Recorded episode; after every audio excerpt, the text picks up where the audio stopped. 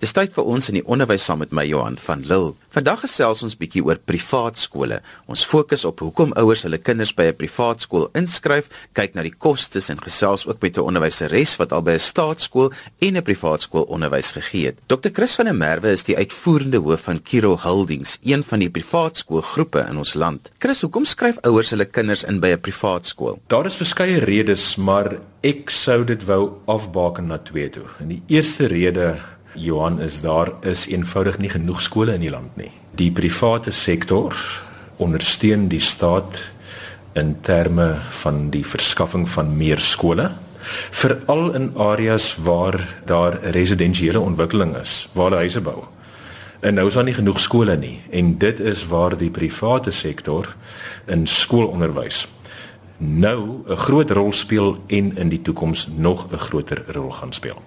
Die ander rede is eenvoudig die woord opsies. Ek dink daar is groot waarheid daarin verskuil dat daar 'n tipe skool is vir elke tipe kind.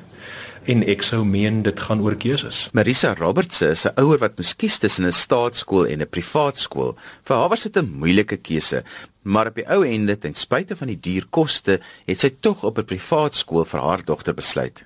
Dit was my nie maklike besluit gewees nie want die publieke skole, ons het groot geword met staatskole, ons was self in daai skole. En sy was vir graad 1 skooljaar wel in staatskool, dieselfde een waar beide my boeties was. En hulle was al twee hoofseun 30 jaar gelede. So ons het 'n lang geskiedenis, 'n lang pad geloop met die skole. Maar na sy graad 1 was dit ek besef dat die kwaliteit van die onderrig wat sy gaan kry in 'n publieke skool is eenvoudig nie iets waarmee ek gemaklik is nie. Nou moet mense mooi verstaan dat ek werk by universiteit, ek gee vir eerstejaars uh, klas en dit is my baie duidelik die probleme wat kinders het wat by staatskole kom. Um omdat die kritieke denke, kritieke lees, die tipe van goed word ongelukkig nie meer vir die kinders geleer nie. En met privaat skole alhoewel hulle ook dan die staatskurrikulum volg, is daar tog 'n ander fokus. Dis moeilik want mense wil nie vir 'n oomblik impliseer dat onderwysers nie hulle werk doen nie. Ehm um, daar's wonderlike wonderlike ehm um, mense wat onderwysers is, maar as die kurrikulum inherent nie fokus op wat ek persoonlik voel is belangrik, wat kinders moet weet om suksesvol in die lewe te kan wees nie, dan is dit waar ons vassit. Want in die privaat skole alhoewel mense geweldig baie betaal, is die fokus tog meer op die sal ons dit noem die die belangrike goed wat wat ek persoonlik dink kinders moet moet op fokus as hulle wil skool toe gaan. Dis dit kos duur om jou kind in 'n privaat skool te sit. Watter impak het dit op jou verwagting van dit wat jy by 'n privaat skool gaan kry vir jou kind? Ek dink elke ouer verwag dat 'n skooljuffrou goed na sy of haar kind sal omsien. Ek dink die verskil is in die private sektor betaal ouers meer geld en as 'n mens meer geld uh, betaal dan verwag 'n mens 'n uitnemende produk. Vir Marisa gaan dit oor die grootte van die klasse baie mense dink dat 'n privaat skool gaan oor byvoorbeeld dat daar 'n verwagting is dat die die kinders um, of of die onderwysers anders is as kinders in staatskole en dit is dit vir my glad nie die, die saak nie. Ek dink ons het nou 'n situasie waar in in staatskole waar ons geweldige getalle kinders in een klas het kan leer. So in 'n privaat skool dit klink soos iets wat ryk mense doen. Ek dink dit is so nie. Ek is self 'n um, 'n uh, uh, onderwyser. So 'n um, mens maak opofferinge om baie van geld te kan betaal om jou kinders na privaat skool te stuur. Maar wat kry jy dan? Jy kry kleiner klasse. Jy kry oor die algemeen onderwysers wat opgelei is en wat ehm um, gekeer is om met die die die, die dit wat die kurrikulum van hulle vra te kan werk wat ek nie noodwendig glo is altyd waar in staatskole nie omdat ons daar 'n situasie het van iemand met die klasse kan kan aanbied of hulle nou opgelei is of nie. So so waarna kyk ek vir my kind? Ek wil hê sy moet uh, sy moet in die tyd wat sy deur matriek is, deur graad 12 is, moet sy kritiese lees en denk vermoë uh, vermoë ontwikkel het. Ek wil hê sy moet belangrike lewenswaardes geleer het wat vir my Christelike waardes is, maar maar wat man ek het daar in 'n Christelike privaat skool.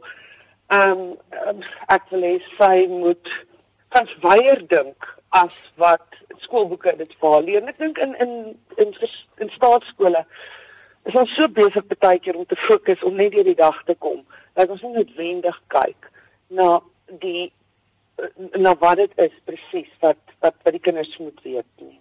Nou maar die Kemp het skool gehou by 'n privaat skool en by 'n staatskool. Nou maar wat was vir jou as 'n onderwyser die verskil tussen die twee skole?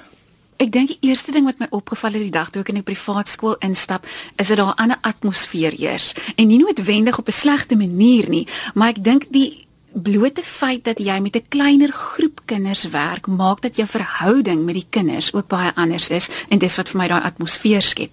Ehm um, mens kan nie wegkom van die feit dat die hoeveelheid kinders, die aantal kinders in jou klas 'n enorme rol op verskeie vlakke speel nie. Ek dink eerstens uit 'n onderwyser se oogpunt in terme van dissipline, uh, maak nie saak hoe goed gekombineerd jou kinders in die staatskool is nie, die blote feit dat hulle soveel meer in 'n klas voor jou is, maak dat daar baie meer van jou energie eintlik ingaan in net basiese dissipline handhaf. Ehm um, op die ou einde dink ek is dit nie noodwendig in die kwaliteit van onderrig so groot verskil nie. Ek glo persoonlik dat die onderwysers wat jy by beide van die twee skole kry, is dieselfde gehalte. Jy trek in, in 'n staatskool en 'n privaat skool uitstekende onderwysers en ek ek glo nie noodwendig dat jou kind beter onderrig gaan kry by die een as by die ander nie, maar die omstandighede maak dit baie keer soveel makliker. Elke ouer wil graag hê dat die fasiliteite ten minste netjies en doeltreffend moet wees. So kom ons tik daai boksie. Ek dink ons voldoen daaraan. Ek dink enige mooi skool in die staat voldoen ook daaraan, so fasiliteite. Die tweede een is uh, passievolle onderwysers. Jy weet Johan, ek sê dikwels um, 'n passievolle, geïnspireerde juffrou wat doodgemiddeld is, kom verskriklik ver. Maar die fokus is op passie. En daarom toe ons Kiro gestig het, het ons gesê ehm um, een van die grondmotiewe of een van die grondkomponente in terme van die ethos is kindvriendelikheid. Want as 'n kind veilig voel en geborge voel en die kind ervaar elke dag dat die onderwyser regtig uh, omgee met inbegrip van die baie foute wat ons as onderwysers elke dag maak. As die kind kan ervaar dat daar nie so groot verskil is tussen die huis se aanslag ten opsigte van opvoeding en die skool se aanslag nie. En die kind ervaar geborgenheid aan albei kante. Dan het mens ver gekom en ek sal sê dit is die grootste eienskap wat ons ontleen het uh van top X model se skole. Chris het onlangs in die koerant gelees van 'n privaat skool, dis nou nie julle nie van 'n ander groep waar die kinders almal met matriek gedop het. Hoe verseker julle dat julle standaarde is waar dit moet wees. In die staatskole weet ons daar's daar's vakadviseurs en daar's distrikskantore en daar's allerlei strukture wat die departement in plek gesit het om seker te maak dat ons wel die vereiste slaagsyfers kry en dat dinge reg moet loop. Hoe doen julle dit? Marion, kom ons wees nou billik. Uh die staat het 'n baie groter uitdaging as die private sektor. Ouers kies almal sonder uitsondering om hulle kinders in te skryf by 'n private skool. En die oomblik as die ouer daai keuse maak met inbegrip van die hoër skoolfonds, dan ervaar 'n mens ietsie van die kind word nou geset ondersteun by die huis. En 'n mens moet nie daai ondersteuning onderskat nie. 'n Kind wat by jou skool arriveer wat weliswaar die ondersteuning het van ma en pa. Ag in terme van dissipline in terme van motivering ook in terme van finansiële ondersteuning het logies gesproke 'n voordeel wanneer hulle die dag by die skool uh, aanklop. Ek dink 'n mens moet dit uh duidelik stel.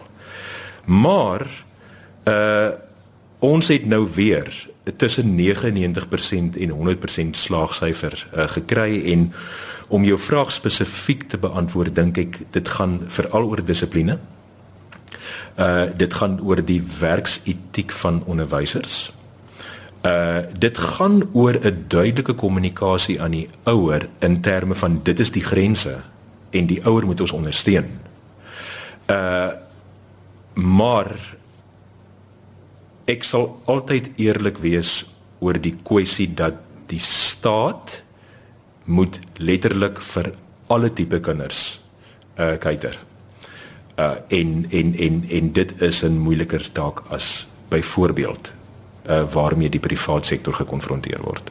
Jy luister na ons in die onderwys saam met my Johan van Lille hier op RSG 100 tot 104 FM en wêreldwyd op die internet by rsg.co.za, ook op DStv audiokanaal 913.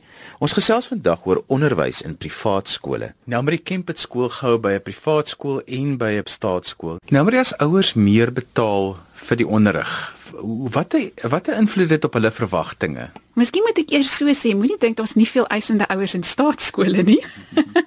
maar ek glo tog dit maak 'n verskil. 'n Ouer neem mos 'n besluit met 'n met 'n verwagting ook dat as ek meer betaal, verwag ek meer van die onderwyser ook om my kind te ondersteun. Ehm um, ek was in 'n baie gelukkige posisie wat ek nooit onbillike eise gehad het wat aan my gestel is nie. Ehm um, maar ek glo ook soms maar dat dat mense voel dat jy moet iets meer uitdruk dalk omdat hulle meer betaal. Ehm um, wat te verstaan is, ehm um, ek dink baie keer by 'n privaat skool kan dit na die een kant toe gaan dat so 'n ouer ook baie meer betrokke wil wees, maar dan kry jy ook weer die teenpool waar hy voel ek betaal reeds so baie, jy moet nou 'n ekstra stapie neem, miskien waar jy sou verwag ek ook moes instaan en die onderwyser moet daai rol ook vervul. Hoe verskil die lewe van 'n onderwyser? Want ons baie onderwysers wat luister wat dink, maar ek wil baie graag by 'n privaat skool kom skoolhou. Hoe verskil die lewe van 'n onderwyser by 'n privaat skool versus by 'n staatskool? Ek sou reken dat 'n onderwyser in 'n tipiese Kiro skool 'n uh, ietsie van stabiliteit ervaar, ietsie van ons is uh in alle omstandighede omtrent ons optrede is omtrent dieselfde. Dit is nie die een dag so en die ander dag sus nie. En ek dink daai stabiliteit vir enige onderwysmens om te arriveer op 'n kampus en te weet uh dit is die beleid. Uh so maak ons met inbegrip van die vryheid want mens moet mos nou vryheid ook aan jou onderwysers gee. Maar ek dink die die die vaspen van grense en die ervaring van stabiliteit uh dink ek is vir 'n onderwyser 'n groot bevryding. Is daar enigins 'n verskil in die werkslading by 'n staatskool en 'n privaat skool? My eerste verwagting was gewees omdat hulle minder in die klas is, dat ek minder merkwerk gaan hê. Wat waar is waar jy met 'n pakkie van 65 opstelle dalk sit tussen twee graad 10 klasse en in hierdie geval dalk nou 'n pakkie van 24 opstelle kry uh, tussen jou twee graad 10 klasse, maak dit 'n verskil, maar dan gaan kyk mense ook weer na wat word verwag van jou en nie net deur die ouer nie, deur die skool ook, deur wie jy in diens geneem word. Ehm um, En ek dink ook baie keer by 'n staatskool waar dit nie net gaan oor die ouetjies wat onder lê nie, maar wat jy ek is bang om die woord afskeep te gebruik vir 'n presteerder, maar eintlik van jou sterk kinders in 'n staatskool baie keer onredelik verwag om meer onafhanklik te werk, word daar van jou verwag om by die privaat skool ook die sterk kind nog verder te ondersteun en te sorg dat hy ook sy volle potensiaal bereik. En daarom dink ek is die werkslading nie noodwendig minder nie, omdat daar vir van jou verwag word om regtig bo gemiddeld uh, gemiddeld en die ondergemiddelde wat jy miskien in die staatskool meer op sou fokus, um, maar al drie daai groepe eweveel te ondersteun. In die staatskole is die verwagting en die druk op jou onderwyser dat jou matriekpunte moet goed wees, jou matrieks moet slaag en hulle moet deurkom hulle hulle moet hulle moet kan kwalifiseer vir verdere studie. Is dit anders in die privaat skole? O nee, ek dink die privaat skool is net so kompeterend. Inteendeel, uh as jy gaan kyk na die hoeveelheid privaat skole wat daar deesdae is ook. Ek dink as jy mense dink aan 10, 20 jaar terug was daar miskien in 'n in 'n redelike groot area een privaat skool of jy moet jou kind wegstuur om hom in 'n privaat skool te sit. So ek dink dit is maar baie kompeterend tussen die skole ook op die ou einde. En wat vir my nogal opval die laaste tyd in 'n privaat skool is ook dat alhoewel dit 'n kleiner onderwyskorps is, hulle net soveel geleenthede wil bied vir die kind. So omdat jy 'n kleiner aantal personeellede het, is die werkslading eintlik meer in daai opsig van waar jy byvoorbeeld in die staatskool 60 mense op 'n personeel is, sit jy nou met 28, maar wat nog steeds die geleenthede moet bied veral in terme van buitemuurse aktiwiteite wat hulle by 'n staatskool sou kon kry. Ons weet die staatskole se ondersteuningsstrukture is baie goed. Daar's vakadviseurs, daar's die onderwysdepartement, daar's distrikskantore. Daar word baie moeite gedoen om onderwysers op te lei en te ondersteun. Watter opleiding en ondersteuning bestaan daar in die privaat sektor want dit word soos 'n besigheid geraan? Dit word beslis soos 'n besigheid bedryf. Um maar ek was ongelooflik beïndruk met die tipe ondersteuning wat ons gekry het. Ek is bevoorreg om by 'n privaat skool te werk wat um inskakel ook by ander skole en die die deurlopende standaard wat hulle probeer handhaaf tussen hulle skole is ook vir my ongelooflik dat die een nie agtergelaat word dood oor die area waarin hy geleë is of die kinders wat hy trek of of, of hoe oud die skool is, hoe onlangs hy begin het nie. Um die eise veral in terme van die aanwending van tegnologie en hoe jy jou kurrikulum vir jou kinders aanbied is geweldig hoog en daar word baie tyd spandeer aan ekstra opleiding vir onderwysers, verpligte opleiding en ook die heeltyd om vernuwend te werk en ook te sorg dat dit waarvoor die ouer betaal op die ou en dat sy kind daai ekstra bietjie blootstelling miskien kry. Ehm um, groot fokus het ek ook ervaar ehm um, op op die voorbereiding vir naskoolse opleiding wat 'n mens by 'n staatskool beslis ook het, maar ek het gevoel dat dit amper by die privaat skool nog meer gerig was op die voorbereiding van 'n kind wat na matriek daar uitstap, wat lê vir my voor. As 'n mens van skole skuif en jy moet nou van 'n staatskool na 'n privaat skool toe skuif, wat is die dinge wat mense nie vir jou gesê het nie? Wat is jou verwagtinge uh, of wat was nie aan jou verwagtinge voldoen nie? Wat was vir jou moeilik? Ek dink tot 'n mate die kinders se ingesteldheid teenoor die onderwyser wat na beide kante toe gaan. Daar's definitief 'n 'n nouer band wil ek sê in die privaat skool tussen die onderwyser en die kind. Ek skryf dit weer eens toe aan die hoeveelheid kinders in die klas. Dis 'n meer intieme verhouding. En waar 'n mens maklik uit 'n staatskool uitkom met 'n baie rigiede manier van doen, want jy moet dissipline handhaaf in 'n groot klas en jy moet sorg dat die klas reg bestuur word.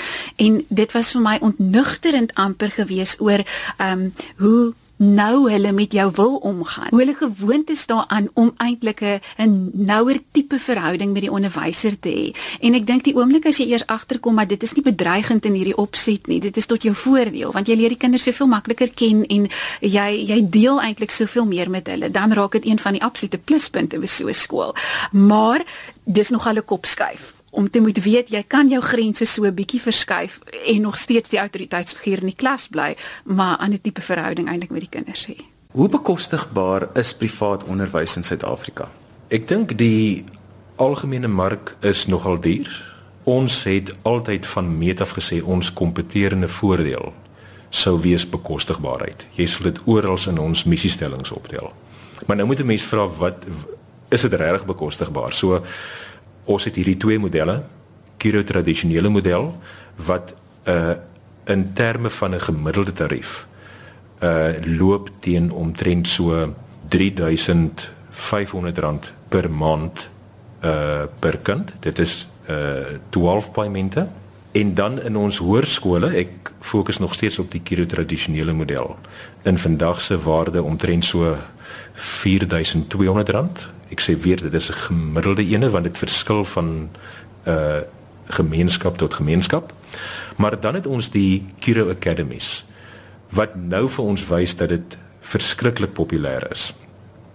En daai afdeling uh van ons maatskappy uh loop teen omtrent so R1700 per maand en dan is daar nie 'n onderskeid tussen die laer en die hoërskoolfooie nie. En ons sien dit met die inskrywings, jy weet en eh, ek ek ek dink Johan, dit is veral daardie model, die Kiro Academies wat 'n baie baie groot verskil in ons land gaan maak. Want daardie kostes is omtrent dieselfde as wat jy by 'n goeie X-model C staatskool sou betaal het. Jy's doodreg. Ek dink die enigste verskil uh, wat dit makliker maak vir ons manne is dat al ons ouers betaal. Weet jy Johan, ons swak skulde oor die jare. Uh, en as ek nou sê oor die jare Kiro is daarom nou al omtrent amperkies 18 jaar oud. Uh het nou maar gewissel van 0.8% tot omtrent so in die slegte tye 2%. Uh so ek dink dit is ons behou. Ons kry al ons geld in. Jy kry skole wat iemand sommer in 'n winkelsentrum 'n klaskamer neersit of 'n wat moet ouers weet? Waarna moet hulle kyk? Hoe moet hulle kontroleer dat hulle kinders is by 'n geakkrediteerde skool of 'n proper se skool dat hulle nie in daai slag getrap het 'n kind in matriek kom en dan is dit niks werd nie. In terme van die Suid-Afrikaanse wetgewing mag 'n mens nie 'n skool uh stig of aan die gang hou as hy nie geregistreer is by die onderwysdepartement nie en daar's nogal baie baie nougesette reëls en regulasies waaraan jy moet voldoen. Dis nie so maklik om 'n onafhanklike skool te skep nie. So, kom ons gee vir die luisteraar die gerusstelling dat as die onafhanklike skool geregistreer is, dan het hy nogal deur 'n tawwe klomp hoepels gegaan. Uh ek sou sê mens moet vra is die skool geregistreer of is hy besig om geregistreer te raak? Want dit is baie interessant. Uh, jy jy kan ook nie sommer net eers die skool registreer en dan begin skool skool speel nie want die departement wil eers vir 'n periode van 12 maande sien of jou kollegas bekwam is of jou fasiliteite ontwikkel soos wat jy beloof het. Daarom sê ek vra of die skool geregistreer is en of hy in die proses is van registrasie. Maar ek sal sê dit gaan oor registrasie want dit eintlik is nogal 'n baie goeie kwaliteit versekeraar. En en ironies, ons sien dit baie. Daar's nogal baie oulike onafhanklike skole in winkelsentrums. Ehm um, wat eenvoudig loop op daai kragtige woord passie en toewyding wat werk. Daar's nou weliswaar nie ehm um, ko-kurrikulêre aktiwiteite en dis meer nie. Maar wie Johan dit werk. So vra maar die vraag is hy geregistreer. Net gou laaste die waarde van die matriekeksamen wat julle matriek skryf, 'n bietjie vir ons van die EUB. Kom ons gaan weer na die Suid-Afrikaanse skole wet toe en na wetgewing toe. Uh as jy 'n onafhanklike skool in Suid-Afrika bedryf, uh moet jy die staats kurrikulum volg. Nou ouers raak die mekaar tussen die woord kurrikulum en eksaminering. Kurrikulum is die leerbaan. Dis die inhoud uh die woord kurrikulum hou hom besig met die met met drie vrae naamlik wat moet geleer word? Hoe moet dit geleer word en waarom uh moet dit geleer word? So tegnies volg alle skole in Suid-Afrika dieselfde syllabus of kurrikulum of leerbaan. Maar in die private sektor het 'n mens die vryheid dat wanneer dit kom by jou graad 12 se eksaminering dat jy die onafhanklike eksamenraad kan volg. En en vir ons kiro tradisionele skole het ons dit gekies. Maar dit gaan gepaard met baie kostes. Daarom by ons Kiro Academies uh word ons nog steeds deur die staatsliggame geëksamineer. Chris, jy het sulke wonderlike resultate gehad. Vertel bietjie vir ons. Johan nogal baie trots. Ehm um, weet jy toe ek skoolhoof was, het ek nou met 'n mens gewerk met een skool en jy het kom ons sê enige iets van 80 tot 200 matrieks gehad. Jy weet waarvoor jy moes pas staan. Nou die klas van 2015 in Kiro het 1500 matrieks die veld ingestuur en dan raak mense nogal bietjie gespanne want dit is 'n groot universum. Man en hulle het ons verras. Ehm um, aan die onafhanklike eksamenraad se kant het 724 kandidaate matriek geskryf. Uh 99,9% het geslaag. Uh 64,4% van die kandidaate het 60% en meer gekry. 891 van hulle het vak A's gekry. En die universiteit vrystelling lê op 82% wat ek dink vir so 'n groot groep ehm um, in lyn is met hoë standaarde, maar die eintlike enetjie waarna ons kyk, is ons vra die vraag, hoeveel van ons universum, hoeveel van ons matrieks het uh wiskunde geneem en wat was daai groep se gemiddeld? Nou uh 59% van die 724 kandidate het wiskunde geneem en daai klas se gemiddeld uh was 65%. Uh so dit was vir ons goed. Aan die ander kant, die kinders wat die staatseksamen geskryf het, het uh spog met 'n 98,1% ehm um, slaagsyfer. Uh en weer eens, uh baie van hy kinders 51% het wiskunde geneem en die gemiddeld was 50%. So dit is nogal vir ons 'n groot indikator van sukses. Dis dan alwaar vir ons tyd het vandag op ons in die onderwys. Ons het vandag gesels oor onderwys in privaat skole. Onthou as jy die eerste gedeelte van vandag se program gemis het, jy kan weer dan 'n luister as 'n pot gooi. Laai dit af by rsg.co.za. daarmee groet ek dan vir vandag tot volgende week van my Johan van Lille. Totsiens.